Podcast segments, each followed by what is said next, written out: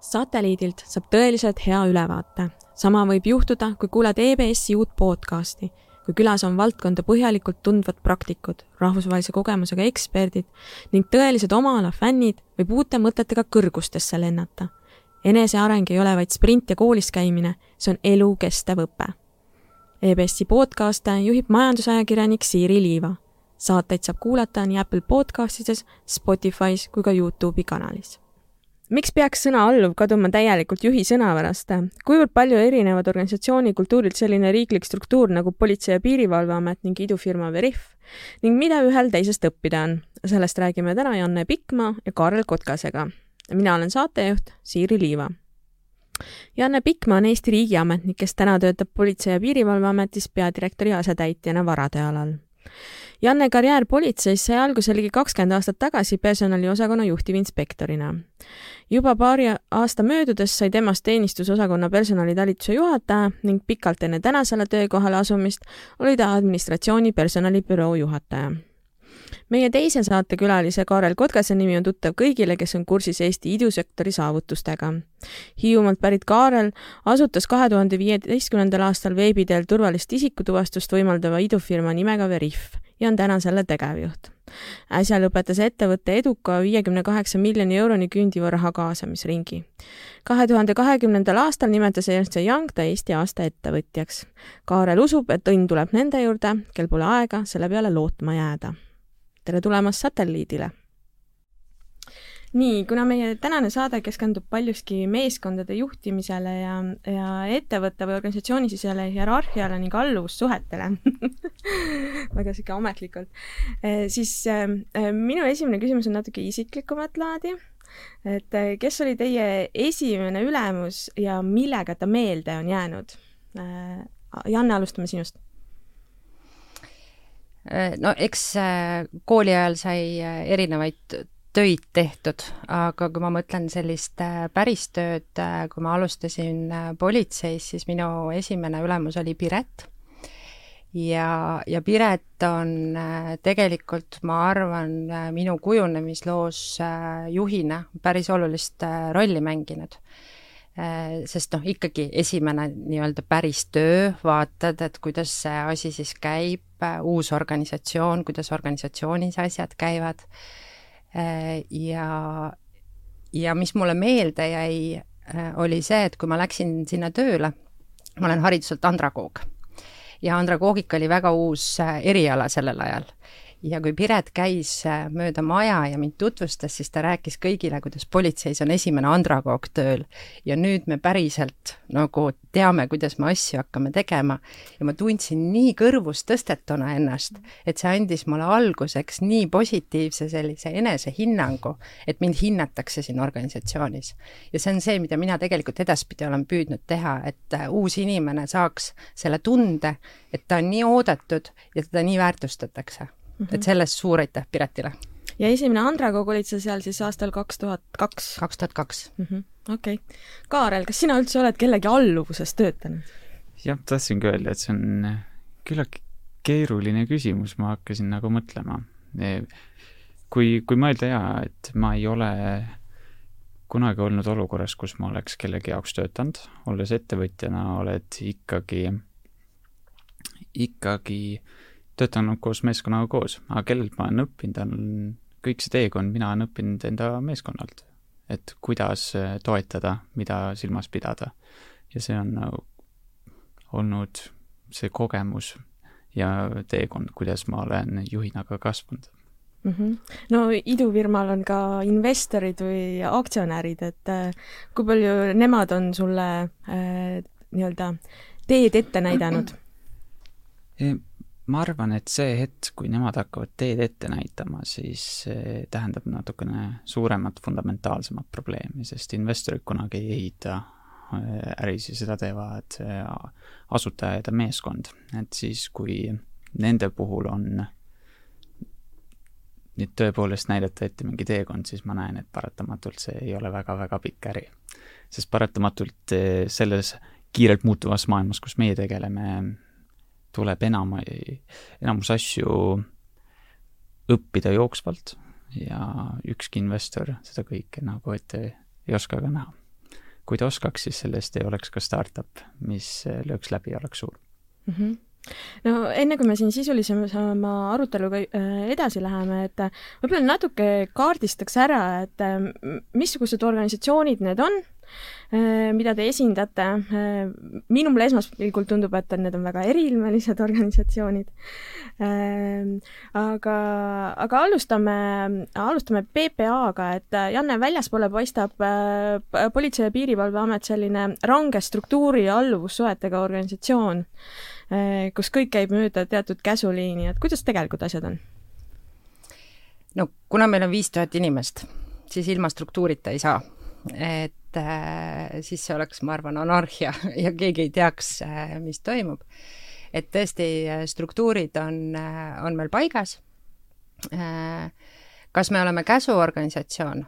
ma arvan, me oleme olnud käsuorganisatsioon ja eks väljapoole niimoodi paistab ka, et ja mingid visuaalid toetavad seda, noh näiteks politseiametnik kannab ju pagunit, on ju, kas siis õlal või uue vormi puhul rinnal, mis justkui näitab, et on jube hierarhiline, kogu see lugu. tegelikkuses, mida ilmselt väljapoole ei paista välja, on see, et kui mina saan täiesti mõne politseinikuga kokku, siis me sinatame me ütleme kõigile tere, ükspuha, kas ma olen temaga enne kokku, kokku puutunud või ei ole, et et ütleme, selline äh, mitteformaalsust on meil kindlasti äh, väga palju rohkem, kui väljapoole paistab. Äh,. mingites olukordades on see käsuliin hästi oluline, see on selge, et kui me räägime kriisist või me räägime mingitest operatsioonidest, aga ütleme, tavaelus jah, struktuurid on äh, Äh, need seavad mingid raamid, äh, aga väga palju on ka mitteformaalsed, näiteks meil on ju vabatahtlikud äh, merepäästjad, abipolitseinikud, kes käivad meil igapäevaselt abis, nad ei ole meie struktuuri osa, eks. aga me töötame, me teeme nendega koos tööd, me teeme koos ülesandeid, operatsioone, projekte, et see, et mina kuulun mingisse osakonda struktuuri mõttes, ei tähenda seda, et ma näiteks mingi projekti raames igapäevaselt hoopis teise osakonna inimestega koos ei tööta mm -hmm.. okei okay., Kaarel, no teil on kordades vähem töötajaid, eks ole, on seal kuskil kahesaja kanti? jah, kahesaja kuuekümne ringis mm.. meil on siis ähm, ja, ja meie tiim on ähm, nii Eestis, äh, UK-s, Londonis ja USA-s, mis on nii New Yorki kui California osapool. et äh, aina rohkem äh, jah, meie meie ettevõte või struktuur on see, et kui varasemalt oli hästi hea öelda, et Eestis on HQ, siis globaalses ettevõttes nüüd on kõik ju üle maailma mm. -hmm. ja, ja kuidas ka teha niimoodi, et kõik tunneksid, et see oleks samatasemeline meeskond, vaatamata sellest, kus on asukoht. Ja, ja kellelgi ei tekiks olukorda, et mingist informatsioonist jääks puudust. Mm.. kui jah, et, et selline me nagu organisatsioonina oleme. aga kas, kui rääkida siis struktuuri mastaabist, siis, siis loomulikult on, kui ettevõte kasvab, paratamatult on vaja struktuuri luua, on, on vaja vastutusvaldkonnad ilusti omada niimoodi, et oleks paigas, et kõik teavad, mis on vaja selleks, et nad oleks enda töös edukad. sest äh, see, seda täidab isegi inimlikus plaanis oluliselt suuremat rolli, et ei tekiks inimestel läbipõlemist. et eh, nad teaksid täpselt, mida neil on vaja teha eh, ja sellest saada kohe no head tagasisidet oma tööle. Mm, mis nende roll on, on ju, ootused neile. täpselt aga kui, äh, kui vaadata seda, et kuivõrd hierarhiline Veriff äh, tänaseks päevaks on või on teil pigem niisugune nagu lamedam juhtimismudel? pigem, pigem on väga, väga, väga palju on bottom-up, et, et me võtame ikkagi inimesed, kes aitavad Veriffi viia siit punktist järgmiseni ja, ja, ja me tahame väga, et see, et kõik tuleksid oma ideede ja mõtetega kaasa. aga kõike ei saa bottom-up teha, et näiteks finantsjuhtimine, see peab olema top to bottom. ja on mingid konkreetsed asjad, mida sa lihtsalt muuta ei saa. aga aga muus mastaabis vaadates seda aastat, mis, kui me olime kõik kodused ja kinni, siis äh, kindlasti said aru, kui tähtis roll on kohvinurga jutul, et kuidas ikkagi saaksid inimesed kokku erinevate tiimide vahel veel rohkem. Sest see on see, mis tekitab sünergiat oluliselt paremini mm. -hmm. tekkisid ju äh, Skype'i kohvitamised, et enne koosolekut natuke varem saadi kokku oma tiimiga, on ju, et äh, räägimegi niisama juttu kuidas läheb, kuidas laste kooliga läheb, on ju, äh, kodus olles, et äh, joome koos kohvi, et inimestel ikkagi see suhtlemisvajadus on tohutult suur. jah, ja ma arvan, et teine osa on ka selles, et, et distantsilt sellises struktuuris, kus on kõigil teada, et millega üks meeskond tegeleb, mille nimel, eh, siis ülitähtis on see, et erinevad meeskonnad saaksid kokku ja, ja mõtteid eh, jagaks mm, -hmm. sest see oli üks kõige suurem väljakutse, ma arvan, meie jaoks nagu tollal mm, -hmm. kui, kui distantstöö algas. ja et politsei puhul ka, et kui me, noh, meil tegelikult on ju maatriksjuhtimine, et meil on äh, nii-öelda siis äh, prefektuurid, regionaalsed äh, struktuurid, on ju, aga meil on ju teenuspõhine juhtimine. Ehk äh, ehk inimeste juhtimine on siis nii-öelda ametliku struktuuri kaudu, on ju. Aga võimekuste ja teenuste juhtimine, et kui me vaatame seda meie strateegiapilti, siis need eesmärgid, mõõdikud, need tulevad kõik teenuse poolt ja nemad otseselt inimesi ei juhi, nemad juhivad protsesse, on ju. et ja, ja sellises olukorras, kus sa ei saa igapäevaselt läbi rääkida, suhelda, on, on see väga keeruline mm. -hmm. no aga kõikide nende protsesside ja, ja nende, selle inimese juhtimise, kogu selle maatriksi sees, kuidas on alluvussuhted äh, Politsei- ja Piirivalveametis äh, paika pandud? Äh, noh, kui me räägime sõnast alluv, siis ma ei mäleta, millal seda sõna ma viimati politseis kuulsin mm, -hmm. päriselt mm. -hmm. et äh, me räägime meeskondadest, me räägime tiimidest, me räägime inimestest, me räägime võitlejatest, me räägime operatsioonidest, et äh, ülemus ja alluv on ikkagi äh, mitte eilne päev, vaid üle-üleeilne päev, ma arvan, äh, samamoodi. jah, siin on nüüd need kriisiolukorra mm -hmm. erandid, aga isegi kriisiolukorras me ei räägi alluvatest, vaid me räägimegi, igal võitlejal on oma roll, on ju, ja mhm. sa pead oma rolli täitma. et äh, tõsi, kui sul on äh, ametlik struktuur, kui keegi on juht äh, ja see juht vats-, vastutab, siis, siis noh, iga otsusega kaasneb ju vastutus, on ju. aga meil ei ole kombeks üle sõita mm. -hmm. et seda, seda ei saa öelda, et kui mina nüüd ei ole peadirektor, et siis, siis mina ei vastuta või minul ei ole oma rolli või mul ei ole otsustusõigust, et, et me näiteks oleme kokku leppinud politseis äh, asetäitjate ja peadirektoritega, et äh, me koos ühel koosolekul ei osale. et lihtsalt ressursi kokkuhoiu mõttes. et kus on üks, seal ei ole teine. et ei ole mõtet dubleerida, et see on lihtsalt aja ja ressursi raiskamine. igalühel on oma otsustusõigused ja nii on mm. -hmm. no kui te ei kasuta sõna alluv ja ma saan aru ka sõna ülemus, kuidas te juhte nimetate?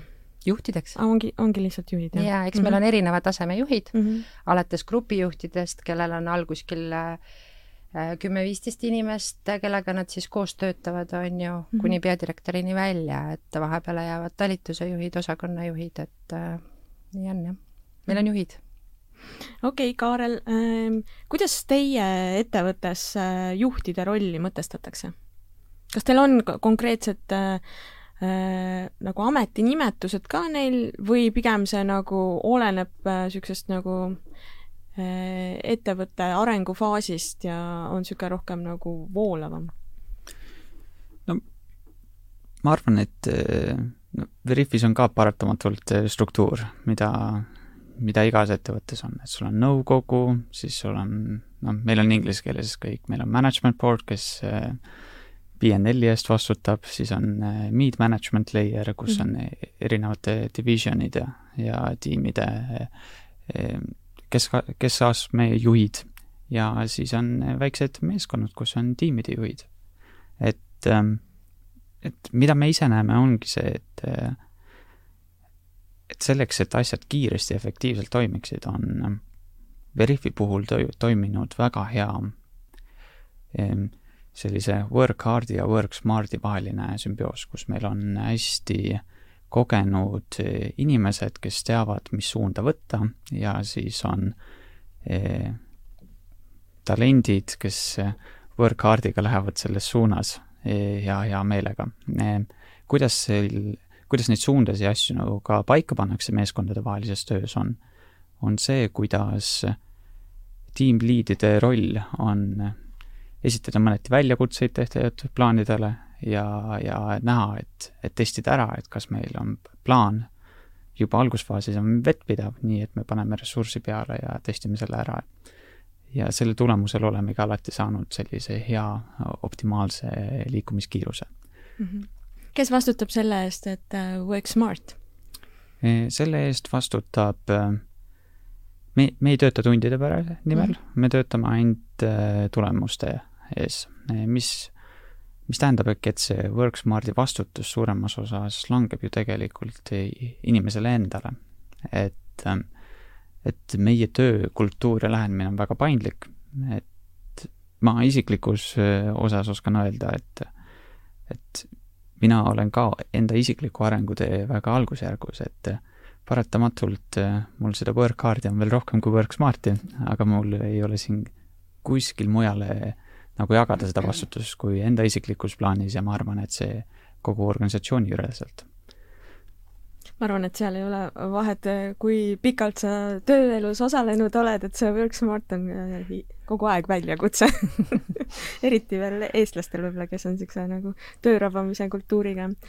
aga no ma küsin ikkagi selle küsimuse ära, kuigi äh, ma eeldan äh,, Kaarel, et sa hakkad juba naerma selle küsimuse peale, et äh, no kui palju teie Veriffis kasutate sõnu ülemus ja alluv ehm,? mitte kordagi kogu ettevõtte ajaloo jooksul, et äh, et jaa, see ei ole see teema.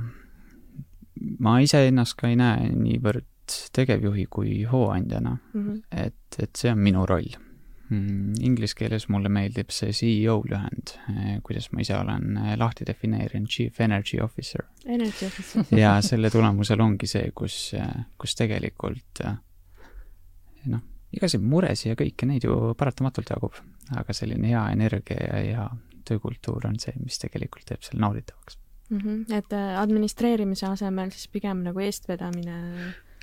jaa, kindlasti, et üks osa on eestvedamine ja, ja, ja, ja väga-väga suur roll on ka selles, et siin on nagu töötegijad ja töö tekitajad. et äh, kuidas olla niimoodi, et meil oleks alati rohkem töö tegijaid versus tekitajaid. Et sellist administratiivset osa ajal, kui lahendus toimib, siis eh, võimalikult eh, vähe rakendada. Just seeläbi, et, eh, et töö tekitajad lihtsalt võtavad aega töö tegijatelt ära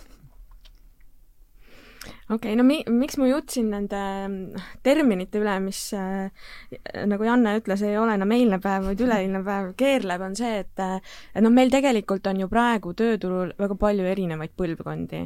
Ja on päris mitu, ütleme, vanemat põlvkonda, kes tegelikult on noh, suurema osa oma tööelust ikkagi äh, töötanud niisuguse nagu väga kindla alluvussuhete raamis, kus nagu sõnade alluv ja ülemus on ikkagi igapäevaselt äh, kasutusel olnud. ja mis mind huvitab, on see, et ähm, kui palju teie oma tänaste töötajate hulgas või siis uute töötajate värbamisel äh, kui palju te tunnetate neid põlvkondadevahelisi erinevusi tööturul? Janne, alustame sinust äh,. väga tunnetame, ega, ega see generatsioonide teema on ju äh, hästi õige, aga eks ta on ka väljakutse, et äh, ja meie puhul samamoodi kõik generatsioonid on äh, esindatud äh,. suure organisatsiooni puhul kindlasti ja erinevate üksuste, erinevate tööde puhul äh, Äh, määrab rolli see, et kui palju mingist gener-, generatsioonist on seda nii-öelda kriitilist massi, on ju. Et äh, kuidas selle väikese tiimi või, või meie mõistes siis talituse osakonna nagu sisene, sisekliima ja kombed on, et eks, eks see mängib rolli. aga, aga noored tulevad iga päev peale me osaleme aktiivselt ka tegelikult äh, noorte väljaõppes ise, et meil on ju Sisekaitseakadeemia, kes politseinikke koolitab, aga nad käivad kogu aeg meie juures praktikal. Ja praktikajuhendajad nii-öelda siis äh, nende kaudu igapäevaselt õpivad ja, ja pigem on ikkagi seda, et, et nad tahavad võtta neid noori sellepärast, et nad saavad ise õppida selle kaudu, et nad näevad ise elu erinevaid vaatenurki ja, ja ei mandu ära, on ju, et see on see, mida, mida nad väga hindavad. aga noh, kui me räägime politseist, et eks see väljakutse on äh,, eriti äh, nende noorte generatsioonide puhul, et kui me räägime Z-generatsioonist, et alates üheksakümnendatest on ju politseitööd tegelikult üles ehitatud äh, kui elukestvat teed. karjäär kogu eluks, on ju. sellel on oma loogika, sest politseiniku väljaõpe on nii riigile kallis kui ka inimesele endale tegelikult kallis selles mõttes, et ta peab oma isiklikku ressurssi väga palju panema selleks, et saada politseinikuks. et kui me räägime tööampsudest näiteks, mida tahetakse, et pool aastat siin, pool aastat seal, siis politseitöös on see suhteliselt keeruline, et kui sa kolm aastat pead välja õppima või noh, minimaalselt poolteist aastat, et selleks, et pooleks aastaks tööle tulla, no see ei ole väga nagu äh, ambitsioonikas projekt selles vaates, et inimene ise ei ole valmis panustama ja see riigile ikkagi, maksumaksjale on, on väga kulukas, on ju. et äh, eks, äh, eks see mõnes vaates on keeruline, teisest küljest ega me nendest puutumata ei jää, et me teeme tööampse organisatsioonisiseselt, meil on viissada erinevat põhitööd. et jah, tavainimene näeb võib-olla kõige rohkem patrulli tänaval, on ju aga tegelikult meil on ju tööl äh, alates patrullist äh, lennukikopterite pilootideni, laevakapteniteni, tüürimeesteni, äh, rääkimata kogu sellest tugisektorist, ma arvan, meil on Eesti kõige suurem tõlkekeskus politseis näiteks. kui palju inimesi teil seal on? üle viiekümne mm.. et, et see on see pool, mida tavainimene väga palju ei näe, aga, aga mis, kui kui me, inimene organisatsiooni siseneb, siis tal tegelikult organisatsiooni sees on võimalik nii palju erinevaid äh, töid teha ja praegu me olemegi alustamas projektiga, et aga mine tee PPS sees üks tööamps, on ju, kui sa tahad mm, -hmm. tahad oma igapäevaellu vaheldust saada Te olete ajaliselt ka piiritlenud selle tööampsu perioodi? ei, otseselt ei ole, et eks see sõltub hästi palju inimesest, mhm. on ju, ja Äh, ja mis seda toetab, on see, et äh, kui sul on viis tuhat inimest, siis, äh, siis meil on läbilõige ühiskonnast, on ju, erineva haridusega inimesi.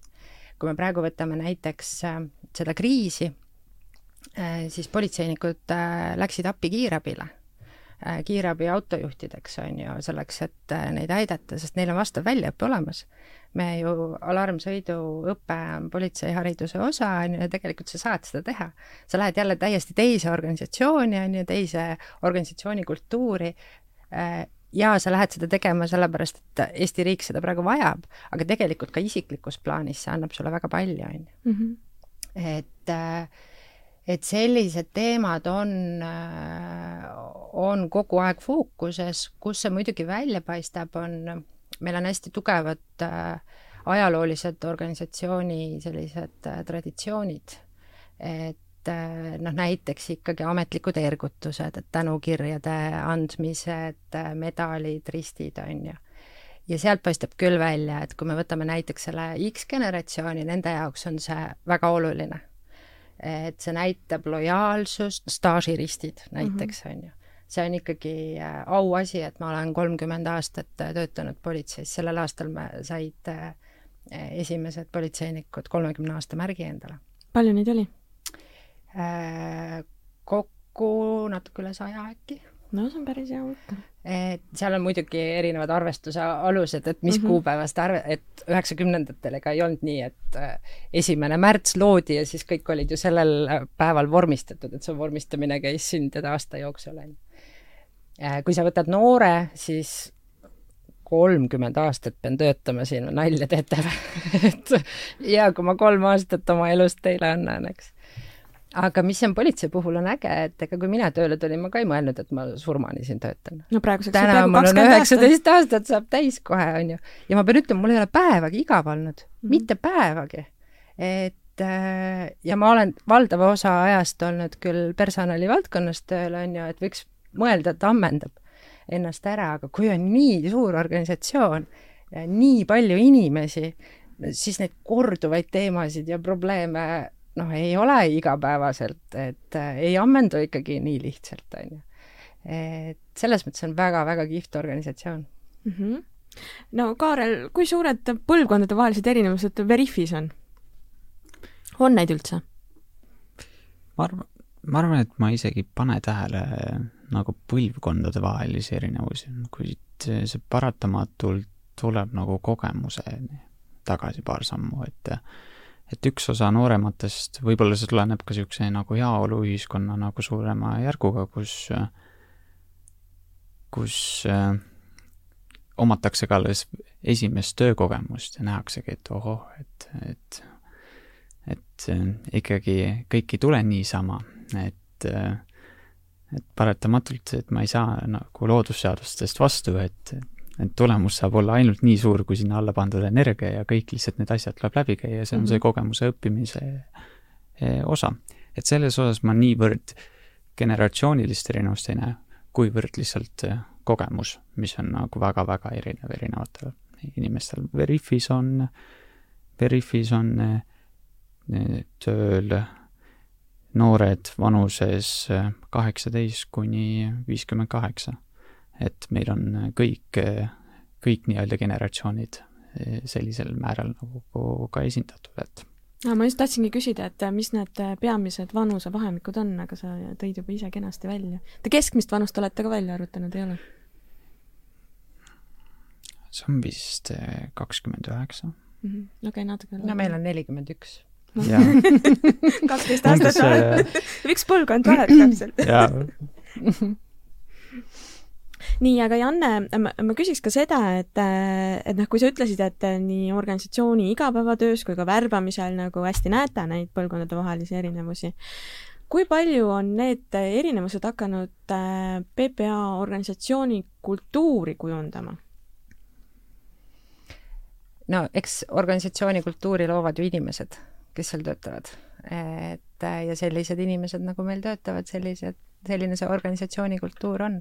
loomulikult, et kui kui meil on üksuseid, kus valdav osa ongi äh, akadeemiast tulnud äh, noori politseinikke, on ju, äh, siis seal on tavad ja kombed ja käitumised võib-olla veidi erinevad, on ju. Noh, küll me oleme ju väärtused, oma põhiväärtused sõnastanud, et mida me organisatsioonina siis hindame ja millised me tahame olla, et tark, inimlik ja avatud. ja, ja ükspuha, kuidas, see on see, mida me tahame, on ju. et selles mõttes ma arvan, ongi oluline Eesti, Eesti inimese jaoks politseilt saada seda, et mida me tahame ja see, kuidas juba, niikaua kui ta jääb nagu põhiväärtuste piiresse, ainult rikastab organisatsiooni. Okei okay,, et no ma saan aru, et meeskonniti võib, noh, see oleneb täiesti, kuidas seal neid asju korraldatakse. või nad võivad nagu äh, päris palju erineda. Äh, sa juba mainisid äh, neid tööampse, mis on niisugune nagu väga, väga kaasaegne kaasaegne niisuguse töötamine, töötamise võimalus, aga ma küsin ka niiviisi, et kuivõrd mõeldav oleks PPA-l palgata inimesi, kes näiteks pool aastat elavad hoopis kuskil teisel pool maakera? Vabalt. nagu ma ütlesin, viissada erinevat äh, tööd, on ju. Äh, meil täna näiteks, äh, ma võin struktuuri mõttes olla nii-öelda Tallinna struktuuris, on ju, aga töötada Võrus või Tartus, miks mitte Helsingis või, või Californias, on ju eks see sõltub tööst. ma tahtsin just küsida, mis need ametikohad on? see sõltub tööst, et äh, patrullpolitseinik teisel pool maakera on natuke keeruline olla, ilmselgelt aga, aga kui sul otsest äh, füüsilist kliendi kokkupuudet ei ole, äh, siis põhimõtteliselt on kõik võimalik. seal natuke seab äh, piiranguid ütleme, see riigisaladuse vaade, on ju, turvalisuse küsimused, aga kui sa oled valmis sealt teiselt poolt maakera vahel ka Eestisse tulema, siis põhimõtteliselt on, ma arvan, kui me ei räägi eesliinist, ehk siis nähtavast äh, politseist ja noh, politsei all ma mõtlen ka näiteks klienditeenindajaid, on ju, kes ID-kaarte, passe väljastavad äh,, piirivalvureid, et siis äh, why not. kas teil täna on selliseid inimesi? kes teises riigis täitsa töötavad. või mingi perioodi aastast on kuskil mujal? Ma ei julge öelda, et on või ei ole. ma ei, ma ei oska öelda, aga ma üldse ei välista seda. Mhm. okei. Äh, no Kaarel, sina enne ütlesid ka, et lisaks Eestile teil on mitmes teises kohas ka kontorid. kui palju lisaks nendele kontoritele on teil inimesi, kes teevad hoopis kuskilt mujalt, mingist muust asukohast tööd? Hmm. mina ei oska seda seepärast öelda, et see kõik on ka liikuvuses, et mm -hmm. osa, osa, osa meie tiimist ikkagi näeb, et see Eesti polaaröö talvel on rõhuv ja siis nad on mujal. meil on osa meeskonnast, kes on näiteks Hispaanias mm, -hmm. meil on äh, inimesed, kes äh, liiguvad päiksega kaasas ja ja me oleme näinud, kuidas ka, kes osa läheb Taisse, et, et on, on Veriffis ka mõned konkreetsed rollid, kus on see liikumine natukene piiritletum, aga sellegipoolest see vabadus liikuda ja olla, see on äh, olemas ja seda väga aktiivselt ka rakendatakse. kui palju sa ise seda kasutad mm,? mina just isegi naudin seda, kui ma saan Eestis olla, et, et mulle väga-väga meeldis, et viimase aasta, ma olin terve aasta olin Eestis ja mulle meeldib siin, sest eh, minu töö paratamatult enne pandeemiat oli üle poole aastast olin lennuki peal ja, ja see on meeletu rõõm omada seda Eesti polaarööd ja, ja seda aega, kui saab ühes kohas olla ja et, et jah. no eesmärk on ju, et töö on tehtud, on ju. Pole vahet, millal ja, ja kus sa seda teed. aga sa tunned ka, et sul viimase aastaga on aega juurde tulnud selle reisimise arvelt? kindlasti, jah. Kindlasti on, et eks see, eks paratamatult mingites kohtades on aega juurde tulnud, aga mingid läbirääkimised distantsilt ikkagi võtavad samas jällegi rohkem aega et, et reisimise arvelt on kindlasti aega kokku tulnud, aga kui sa vaatad tervet seda liini, siis, siis mingid suuremad läbirääkimised taustal ei ole ikkagi päris need, kui teha seda koos ühise laua taga.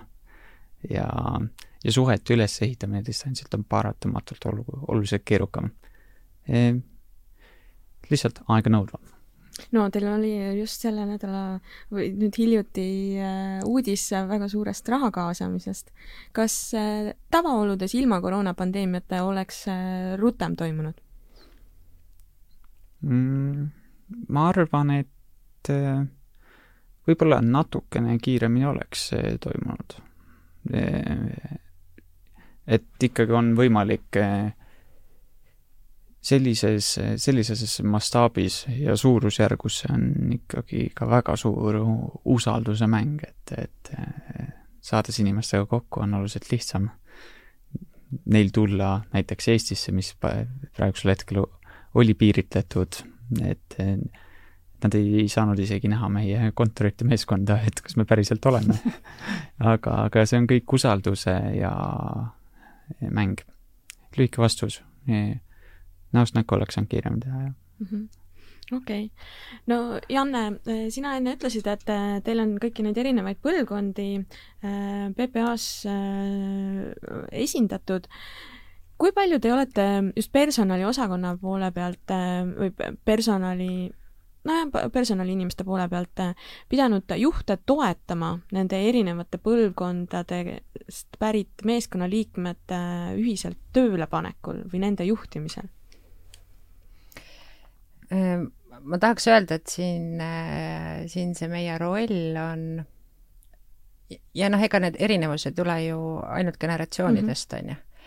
aga, aga üldse tiimiliikmete erinevustega arvestamine, nende tugevuste ärakasutamine, meeskonna loomine niimoodi, et, et sul oleksid erinevad kompetentsid ja isikuomadused seal selleks, et tulemus oleks parim, on ju et kõige rohkem on olnud sellist teadlikkuse tõstmist.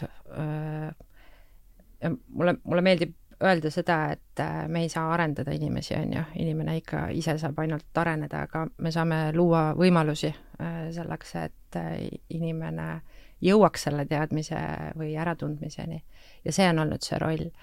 loomulikult on erinevad kaasused, mille puhul personali poole pöördutakse abi saamiseks, et kas on siis inimesed konflikti läinud või on mingid arusaamatused, mis on vaja lahendada ja, ja tihtipeale panedki juhi mõtlema selle poole, et aga noh, ega sa ei muuda inimest, on ju. eesmärk ei ole ju inimest muuta, vaid püüa mõista teda, püüa aru saada, miks ta, miks ta midagi teeb, et mis selle taga on. ja, ja tihtipeale ju keegi ei taha halba. et, et ma arvan, see on kõige suurem äh, roll olnud ja noh, pluss siis tõesti äh, selliste võimaluste või süsteemide loomine, kui me räägime generatsioon, noh, ükspuha tegelikult, kuidas me neid nimetame no,. mulle, mulle väga, väga meeldis see, et noh, me ei pea sinna generatsioonidesse on ju kinni jääma, et et aga seesama, kas tööampsud või, või seesama, et rääkida juhtidele, et noh, kord aastas arenguvestlus tänapäeval noh, väga ei toimi selles vaates, et äh, inimene tahab kohe vahetult tagasisidet saada, on ju. jah, see üks-ühele äh, juhiga. ja et eks neid personalisüsteeme äh, tervikuna annab ju selliselt üles ehitada, et, et oleks toetatud erinevate inimeste siis soovid ja vajadused mm. -hmm. no Kaarel, milliseid personalisüsteeme teil on Veriffis loodud inimeste toetamiseks ja just nagu juhtide toetamiseks?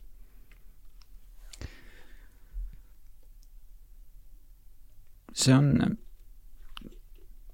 kuidas nagu juhti, juhti tööta-, toetada, siis ähm, siin me oleme näinud, et, et selleks, et üldse ettevõte saaks kasvada, siis kõige noh, noh, isegi ainuõige viis ongi toetada tiimliide ja juhte just läbi koolituste. ja kuidas on siis kokku pandud ka inimesed ka täiesti teise valdkonnad teise struktuuri senior management, kes siis saab ka mõtteid põrgatada ka selle teise osakonna ehm, eh, keskastme juhiga. et ehm, varjatud eesmärgid. koostöö soodustamine. Aga siin on, aga siit joonistub tegelikult välja, et see on hästi-hästi suur roll on tegelikult ja mentordamine, toetamine just keskastme ja tiimi, tiimijuhtide osas. Mm mis veel välja tuua kui eraldi ja iseseisvalt süsteemi, siis, siis autonoomsus, mis juhte kõige rohkem nagu toetab nende arenguteel, on see, et et, et sa võimaldad nendel võtta vastutust ja autonoomsust oma, oma valdkonna üleselt ja, ja ja mida tegelikult autonoomsus tähendab, on see, et sa võtad ära need Eestikeelne sõna on jaa, dependency või inglise keeles on dependencies eh, nagu teistest eh, erinevatest osadest, aga see on justkui nagu sellised eh, piirangud ja, ja vääramatud ühenduskohad teiste me-, teiste meeskondadega. lased neil päriselt tööd teha. laseme päriselt tööd teha ja ise vastutust võtta yeah., tulemust näha ja ei eksida. ole, eksida, ei ole olemas sellist vabandust, et mina tegin kõik ära, aga vaata, see teine osakond Täpselt. ei teinud seda ära. ja need on need osad, mis tegelikult mentordamine, autonoomsuse loomine õigesti on see, mis kõige paremini õpetab ja kõige kiiremini viib neid ka edasi.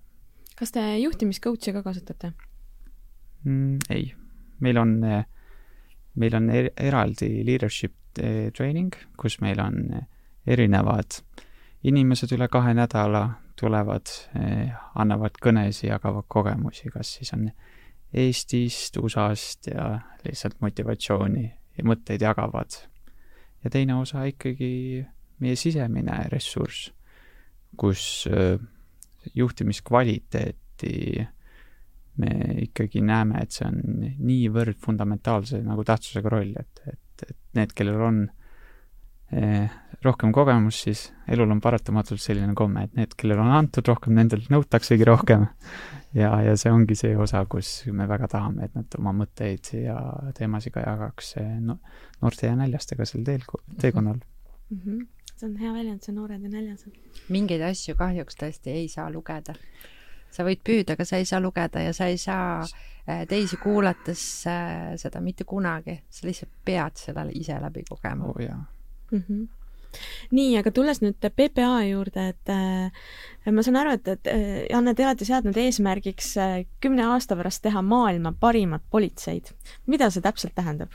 kõlab väga ambitsioonikalt äh,. me tegelikult äh, ikkagi tahame iga päev maailma parimat politseid teha et see et see me... ei ole lihtsalt kümne aasta pärast, vaid see ongi nagu ja, see protsessi see on protsess, et mm -hmm. ja noh, mida see tähendab, on ju tegelikult see, et äh, me ei taha mingis edetabelis esikohta, eks.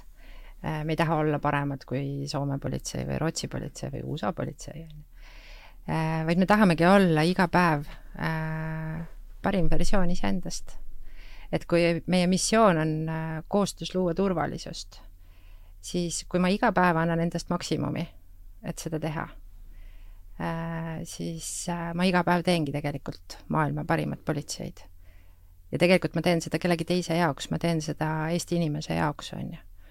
Äh, selleks, et olla parim ema, ei tähenda, et ma teen by the book kõike, vaid, vaid ma iga päev annan endast parima, et oma lastele olla parim ema.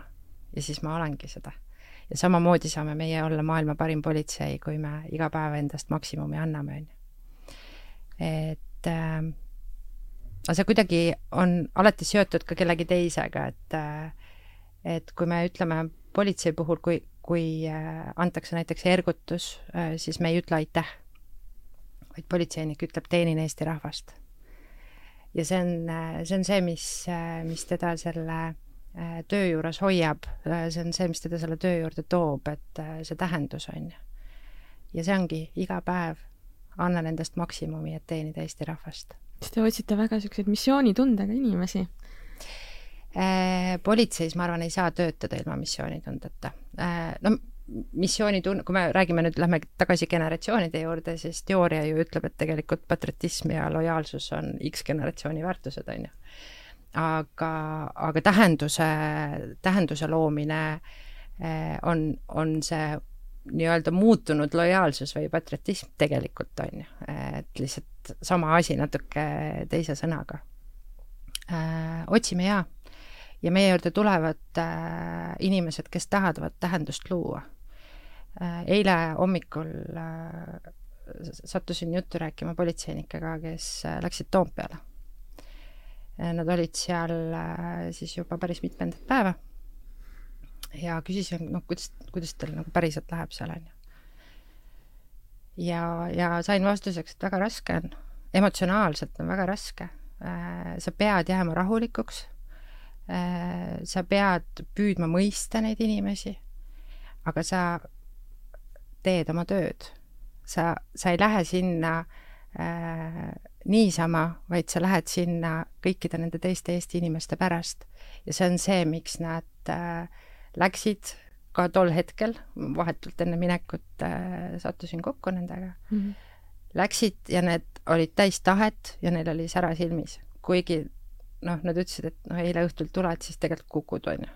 sest see on emotsionaalselt ikkagi raske, et vahel võibki olla väga raske, aga püsti hoiabki see, et sa teed tähendusega tööd Mhm. no see on meediast ka läbi käinud, et need ei ole üldse kerged päevad seal.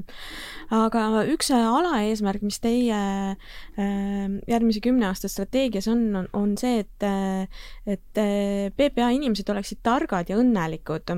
Kui palju praegu te üldse hindate või mõõdate või monitoorite seda, äh, kas ja kui palju teie inimesed on õnnelikud? no ma arvan, seesama näide, mis ma tõin, see, kui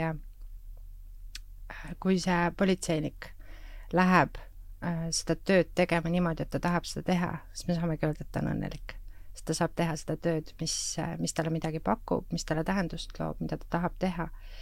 Mis on äh,, äh ja meil on rahulolu hindamised üle, üle aasta, erinevad sellised ka kiiremad nii-öelda küsitlused siis, nimetame pulsiks seda, mida me teeme lühema intervalliga kaks korda aastas, et saada seda te organisatsiooni temperatuuri siis nii-öelda, on ju. seal on oluliselt vähem küsimusi kui, kui rahulolu-uuringus aga, aga sealt me saame sellise üldise tunnetuse kätte ja noh, vaatame muidugi äh, erinevaid asju, et nii seda, kuidas äh, inimesed siis äh, oma meeskonnas ennast tunnevad, kui kuidas nad organisatsioonis ennast tunnevad. ja mis tegelikult meie tööd tehes ei ole sugugi väheoluline, on see, et äh, kuidas ma tunnen, kuidas Eesti inimene mind vaatab, on ju. Mhm. kuidas see Eesti inimene näeb, kuidas ma oma tööd teen täna politsei usaldusväärsus on üheksakümmend kolm protsenti, see pole kunagi nii kõrge olnud. see vist on kõige kõrgema usaldusväärsusega amet ka või on midagi veel kõrgemat mm,? äkki päästjad on kõrgemad ah, olnud jah, varasemalt vähemalt. aga, aga üheksakümmend kolm protsenti, see on uskumatu, on ju. et ja see on see, mis äh, võib tunduda lihtsalt mingi number, aga kui sa oled see politseinik, kes teenib Eesti rahvast, kes Eesti rahva nimel seda tööd teeb, siis tegelikult see Eesti rahvas on ju tema klient, on ju. ja, ja kas see klient on minuga rahul või ei ole rahul mm, -hmm. see väga palju määrab. et kui tuua nüüd paralleel erasektorist, kas mu omanik on minuga rahul või ei ole rahul, siis see on ju kõik, on ju. politsei omanik on ju Eesti rahvas, eks mm. -hmm. et äh, aga, aga mis meie nii-öelda siis eesmärk ongi see, et, et see politseinik olekski väärtustatud, et tal oleks lihtne oma tööd armastada seda me tahame, on ju. et ta et, et kõik need takistused teelt eemaldada, et ta ei, et ta ei tunneks ennast ohustatuna, sellepärast et äh, Facebooki lehele praegu äh, nendele politseinikele tehakse ähvardusi ja kirjutatakse nilbusi, on ju. Mhm. et ta saaks rahuliku südamega magama minna, sest ta teeb oma tööd seda ta teeb seal, on ju, ta ei avalda meelsust, ta teeb lihtsalt seda, milleks, äh, milleks ta on siia politseisse tulnud mm. -hmm no Kaarel, kui palju teie Veriffis äh, organisatsiooni temperatuuri mõõdate ja mil moel mm,? me mõõdame iga kvartal. meil on iganädalased one-on-one'id, ehm, aga meil on igakvartaalne selline temperature check, kus me siis teeme ENP-s Employee Net Promoter Score'i analüüsi, siis seda saavad kõik distantsilt oma kodust teha, annavad ka teada, et kus me hetkel asume, mis me teeme ja, see on selline intervall, mille sees me ise organisatsioonina toimime, tegutseme. kui palju teie äh, alateadlikult või teadlikult pöörate tähelepanu sellele, et teie töötajad oleksid õnnelikud? ma arvan, et äh, esimene asi, millele ma mõtlen hommikul, kui üles ärkan ja viimane mõte, mis nagu ka magama viib, et, et see juhina see, on see su ainus ja, kõige tähtsam ülesanne, on ju. täpselt, et ma arvan, et see siin jaa, et see noh, nagu põhimõtteliselt öeldakse, kui ka süüa teed, et, et ära tee kunagi süüa nagu kehva tujuga, see tulemus ei ole hea mm. -hmm. sama asi on ju tegelikult ka loomulikult ka tööga, et, et, et kui sa teed asju, mis sulle meeldib, oi, kuidas see tulemus maitseb nii palju magusamalt ja see on nii palju parem et äh, see on, see, see on hästi-hästi tähtis. eriti olukorras, kus äh, Verife on äh, väga suure vastutusega, tempo, liikumistempo on väga kiire. meil on ka öövahetused, me töötame neljas vahetuses, meil on kakskümmend neli seitse oleme olemas. aga see on sõltuvalt ajatsoonidest või? see on see, et me, kõik, me peame olema igas, igas riigis olemas justkui. tegelikult natukene, kui PPA mastaabiga vaadata, siis, siis Veriff võitleb inimeste eest ja usaldusväärsuse nimel internetimaailmas ja virtuaalses maailmas. teeni-, teenime ka rahvast sellisel Absoluutselt. määral ja, ja see tähenduse mastaap ja osa, kus, kus on äh, vahel on selliseid keerukaid aegu olnud, kui me ise ka tiimiga mõtlesime, et esimesed jõululaupäevad mina olin koos meeskonnaga, olime öövahetustes ja tegime, et et kõik lõpuks nagu mõtlesime, okei okay,, politsei on, päästetöötajad, kiirabil on kõige kiirem aeg ja meil ka. ja, ja ajakirjanikud on ka täpselt, ja see oligi selline, selline mastaap, kuidas ehm, et tegelikult neid ameteid on väga palju, eks ole, et kes on, on, et sa kohe näed, et need on hästi huvitavad, need ajad. Mis on kõige kiiremad. aga mis teie klientide usaldusskoor on? olete uurinud seda?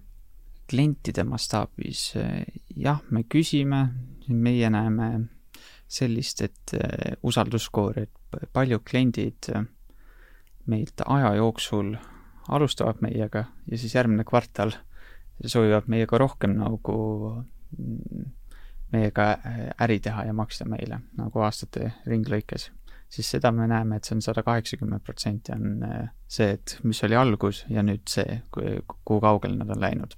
aga kui rääkida sellisest usaldusskoorist, siis ma arvan, et see näitab, et paljud kliendid on aja jooksul meilt ära läinud. ja, ja kes on jäänud ja kes eh, rõõmsalt aina kasvatavad mahte, siis see on üheksakümmend kaheksa protsenti. aga sellist nagu usalduskoori kui midagi sellist eh, nagu kvantitatiivset analüüsi sellist meil ei ole, mida ma oskaks kohe nagu öelda konkreetse numbriga. no äris juba see, et, et ma kliendiks tulen, näitab usaldust, on ju, sest mul ei ole seda kohustust. jah ja noh, teine ka see, et sa jääd lojaalseks, et eks see vist yeah. olenebki, et noh, et mis see on, mida see nagu sinu spetsiifika nõuab, et sa pead mõõtma yeah.. Ehm, aga ma küsin ka veel, enne kui me selle sisulise osa lõpetame, et ähm, et mida te nagu tunnetate oma äh, organisatsioonisiseselt, et et mis nagu vajaks veel organisatsiooni kultuuri seisukohalt või nagu meeskondade parema töölesaamise seisukohalt ähm, veel arendamist? Janne? no ähm, mina sellisesse äh, muudame organisatsiooni kultuuri kontseptsiooni äh, ei usu. Mina arvan, et äh, iga meie sõna, iga meie tegu, iga meie otsus ongi see, mis seda organisatsiooni kultuuri loob me saame eh, ja teadlikult mõelda selle peale, et täpselt seesama, millest ma enne rääkisin, et mida me tahame, on ju. Ja kuida-, milline ma ise siis pean olema, kuidas ma ise pean eh, käituma selleks, et me sinna jõuaksime ja noh, sõnad ja teod nüüd päris kindlasti ei tohi vastuollu minna, et see kohe hukk iga, iga eesmärgi poole liikumisel. aga, aga ma arvan, kõige raskem selle juures ongi see, et et äh, me kõik oleme inimesed. Äh, ja, ja isegi kui ma tean, kuidas on õige, siis no alati ei tule välja, on ju. Äh, ma ju tean, et ma ei tohi mõnikord niimoodi rääkida või ma ju tean, et minu sõnad võivad sellist mõju avaldada aga no mul ei ole ka alati hea päev või ma ka eksin. ja, ja just see eksimise lubamine ja, ja ette andeks andmine Äh, on, on võib-olla see, mida, mida võiks olla rohkem mm. -hmm okei okay,, no sa ütlesid, et see sõnad ja teod, ma küsin äh, natuke teise nurga alt seda, selle osas, et äh, kui palju teie kasutate, kas siis teadlikult või alateadlikult eeskuju kaudu juhtimist? ma arvan, juhtimine on alati eeskuju kaudu, teisiti pole üldse võimalikki kui, kui me päris alguses rääkisime Piretist, siis äh, see, see oli ju samamoodi eeskuju kaudu juhtimine, on ju. Äh, ja, ja kindlasti teadlikult kasutame, ma arvan, meil ei ole mitte ühtegi juhtkonna koosolekut, äh, kus me ei räägiks ootustest juhtidele, alates grupijuhtidest välja. sest ma arvan, mis kipub olema, on see, et juht alati ei adu mis tema käitumine või sõna või äh, tegu, millist äh, mõju avaldab. Äh, lähen koridori peal inimestest mööda, kas ma ütlen tere või ei ütle tere, ütlen, et oi, tore sind näha või ütlen, et oi, näe, sina jälle siin. minu jaoks on see lihtsalt üks repliik, aga selle inimese jaoks võib see näiteks motivatsioonikriisini viia ta ei ole minuga rahul, on ju, või teistpidi, näe, ta hoolib minust, tunneb huvi, kuidas mul läheb. et äh, see aga see, see, see ei ole lihtne tulema, ma enda kogemusest, mul läks väga kaua aega, et ma aru saa- äh,, oleksin saanud, et äh, ma olen nüüd selles rollis, et tegelikult iga sõna, iga liigutus, iga tegu tähendab äh, teiste inimeste jaoks midagi muud, mida see minu jaoks tähendab mm. -hmm. vot, et ühesõnaga äh, alguse juurde tagasi tulles, iga päev mõtleme ja ainult eeskuju kaudu juhimegi okei okay., no Kaarel, äh, mis sina tunned, mis Merif-, Veriffis võiks äh, organisatsiooni kultuuri seisukohalt äh, paremini veel olla? no ma alguses pean ütlema, mulle väga meeldis Janne vastus, nagu PPA näitel, see lihtsalt väga, väga, väga meeldis mm,. ma arvan, et, et kindlasti Veriffi, Veriffi mastaabis me, me peame paratamatult veel kogu aeg selles kiires, kiirelt muutuvat maailmas teadma, et siin on ainult üks konstant elus, see on muutus. sest see on alati, mis, mis on ja teeb ja, ja ja kuidas me peamegi nagu vaatama erinevaid lähenemisnurki ja, ja, ja ja ja veel tundma ennast mugavalt selles sogases vees, mis on pikk, ta on selline sisemine sügelemine, mida sügada ei saa ja ta on paratamatult selline eh, osa, aga, aga aga muus osas Veriffi kultuuri ja lähenemist vaadates, siis eh, nii nõustun Jannega, ei ole sellist asja, et me nüüd muudame ettevõtte kultuuri, me nüüd tuleme, teeme ma ei tea, mis uue asja, see on kõik ähm, uus level. see on kõik inimeste enda seest tulnud ja see on ja no siit tookski, mulle, mulle endale hästi meeldis see, et ma olen kahes erinevas sellisest äh, koolis käinud, väikses, väikses nagu armsas valla külakoolis Hiiumaal. Emmastes mm -hmm. ja ja siis, kui Tallinnasse tulin, siis oli teine keskkond ja kool, see oli reaalkool. kõik õpikud on samad, millest me õpime. kõik asjad on noh, väga, väga, väga kihvtid ja põnevad õpetajad mõlemas. mis tegi erinevuse, on keskkond et kes on lahe väikses külakoolis, kes on hea ja tore ja lahe näiteks reaalkoolis. ja see oli ainuke erinevus minu jaoks. kas sa oled see, kes sa laaberdad ja, ja nädalavahetusel ja elad natukene teistsugust elu, et see on lahe, keda nagu hinnatakse koolis või, või see, kes on mm -hmm. oma akadeemilises ja, ja muudes töödes edukas, et teda hinnatakse kõik on sarnane, aga keskkond on niivõrd tähtis, seega ma näen, et kui suur roll on eh, igas ettevõttes tema kultuuris. sest see on see, mis toob erinevuse ja see, mis, kuidas see tekib, on need inimesed, kes hindavad siis eh, konkreetseid asju, mis, mis, mis on just selle ettevõtte nagu ülene ja, ja, ja edasiviiv jõud mm. -hmm. ja see on tegelikult see, mille järgi äh, tänapäeval tööd valitakse, on ju, organisatsiooni valitakse. et äh, kui vähegi võimalik, siis sa ei lähe suvalisse kohta. sa ikka lähed sinna, kus äh,, kus sa tunned, nagu öeldakse, et kui selleks, et olla õnnelik töökohal, peavad sinu enda väärtused organisatsiooni väärtustega kaheksakümne protsendi osas kokku minema, on ju. Mhm. muidu sa, sa ei saavuta seda rahulolu, seda seda nii-öelda õnnelikku olemist äh, selles organisatsioonis.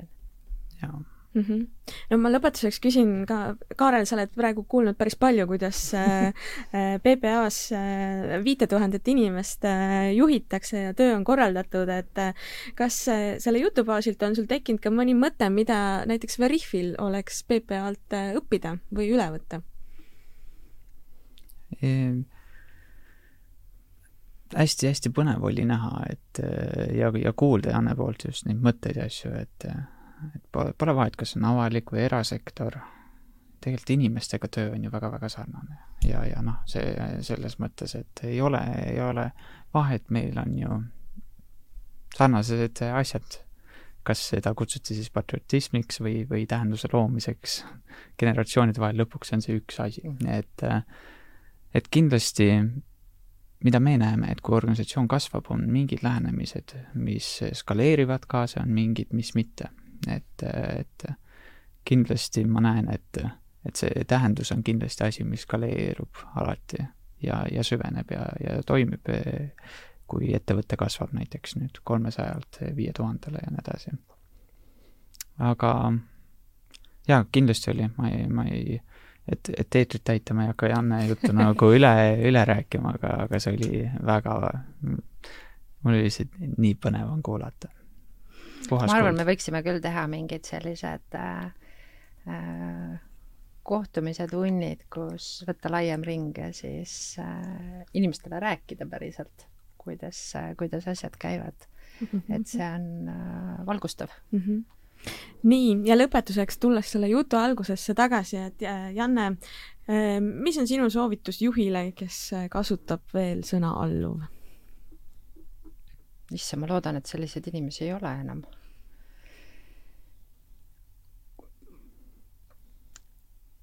eks inimesed on erinevad ma arvan, et äh, hästi keeruline küsimus. ma ta-, ma tegelikult, kui ma päris aus olen, siis siis ma tahaks öelda, et kui, kui mõni inimene suudab äh, oma inimestest mõelda kui alluvatest, siis ta ei peaks juhina töötama. sest äh, võib-olla mingis kontekstis on see omal kohal, võib-olla mingis äh, organisatsiooni kultuuris on see omal kohal ja, ja toimib äh, väga hästi, aga me ei saa mitte kellelegi alluda. me kõik oleme inimesed ja, ja niimoodi tuleb meid kohelda ka, kui me tahame edukad olla mm. -hmm nii, väga hea. nüüd me tõmbame sisulisele osale joone alla, aga meil on ka üks niisugune traditsiooniline osa igas podcastis. kolm küsimust, mis me kõigilt äh, saatekülalistelt küsime. Ja küsin ka teie käest. esimene küsimus on see, et mis on see üks juhtimisraamat, mida soovitaksite kõikidel lugeda, kes äh, juhtimisteemade vastu huvi tunnevad? Kaarel nagu me ka täna rääkisime, et kõige rohkem toetab praktika selles valdkonnas et, et siin erinevaid teooria ja nagu lähenemisi on kindlasti, on, aga, aga see iga hea juht on see, kes tunnetab väga täpselt enda tiimis olevaid inimesi ja teab, mis on tema jaoks nagu tähtis, millele keskenduda ajal, kui et mõlemad ühiste eesmärkide nimel toimiksid. ta, ta on mõneti ka kunst.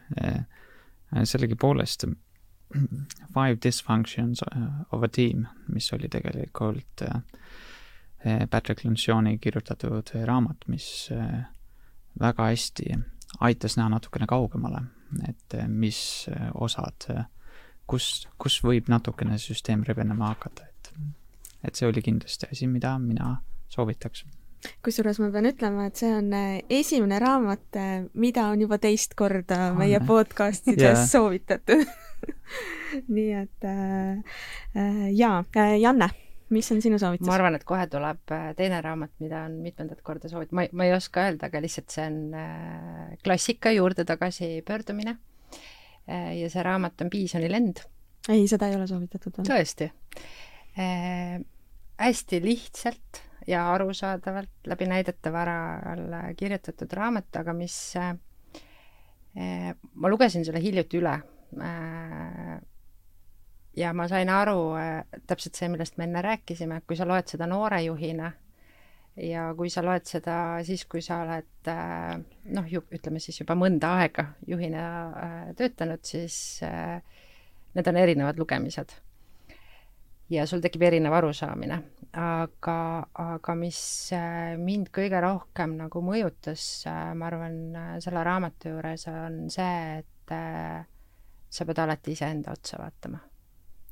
Et ei ole mõtet rääkida seda, et inimesed on lollid ümberringi, töötajad ei töö, tee midagi või, või mis iganes valesti on, kõik algab sinust endast. ja see on see, millega me tegelikult sisulise osa lõpetasime, et seesama eeskuju kaudu juhtimine, on ju. et äh, hästi lihtne, arusaadav raamat mm. -hmm. mulle meeldib, mind kõnetas mm. -hmm. Nii, teine küsimus, mis on see üks soovitus, mida sa alati juhtimise kohta annaksid ja Janne, lähme nüüd sinuga edasi. mina tahaks öelda, et äh, ja see ei ole ainult juhtimise kohta, aga äh, tee teisele seda ja niiviisi, nagu sa tahaksid, et sulle äh, tehtaks. et äh, ja see, ja see on äh, ka kuni näiteks raskete kõnelusteni välja, on ju, raskete otsusteni välja. me kõik saame aru, et äh, elus tuleb teha asju, aga see viis, äh, kuidas neid tehakse, see on sinu valida mm. -hmm, väga hea. Kaarel, sinu üks soovitus juhtimise mm. kohta? jah, kindlasti ei saa mööda, et äh, sellest eeskujust, et, et, et see nagu ka juhtimises sa ei saa, ka ei saa mööda sellest, et, et, et tulemus on nii suur, kui sinna alla pandud energia. et see on kõik eeskuju peale üles ehitatud süsteem mm. -hmm. vastasel juhul sind ei võeta tõsiselt ja sõnad on tühjad ilma tegudeta et seda näeks ruttu läbi, et kas sõnadega käivad teod ka kokku või mitte. Nii, ja viimane, kolmas küsimus, mis on see üks oskus, võib-olla juhtimisoskus ei pea tingimata olema, sa tunned, et pead enda juures veel arendama? ja Kaarel, alustame sinust. ma olen hästi kärsitu. ja ma arvan, et kannatlikkust on vaja ja ma näen, et seda on aina rohkem ja rohkem vaja mulle tundub, et see on edukate juhtide läbiv äh, joon. arendamist vajav joon ma olen väga-väga kärsitud. aga mida sa teed selleks, et kannatlikum olla mm.? või kuidas sa arendad seda endas siis e,? ma arvan, et see tuleb ainult läbi, läbi töö ja, ja lihtsalt äh, siit, siit tekibki see, see koht, et kui organisatsioon kasvab ja teeb, siis, äh, siis äh, mõneti minu rollis ma pean nagu inimestest paar sammu isegi, ma ei saa niivõrd eh, aktiivselt olla koos, kus, kus ma näen, et, et ma oleks edukam selles, ma tahaks eh, toetada veel aktiivsemalt nende kasvu versus see, et see on nagu konkreetne suund, millel me peame lahendusi leidma ja tegema, et kannatlikkus, kannatlikkus, jah, mida ma teen selleks see on, äh,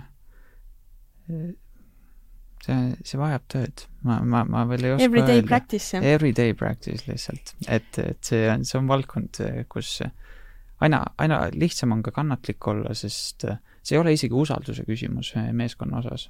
aga see on selline sisemine, sisemine leek, mis, mis põlemine ja, ja see on minu isiklik väljakutse mm. -hmm. no ma võin nii. öelda, et see veidi, veidi ajaga muutub paremaks sa, sa õpid lihtsalt nii, aga Janne, mis sina tunned, et sina pead enda juures arendama? noh, eks no see natuke läheb sinna samasse auku, et äh, ma vahel ütlen enne, kui ma mõtlen. ja mingite inimestega seda saab teha, kes äh, sind tunnevad, tead, milline sa oled, tead, mida sa nagu mõtled selle all.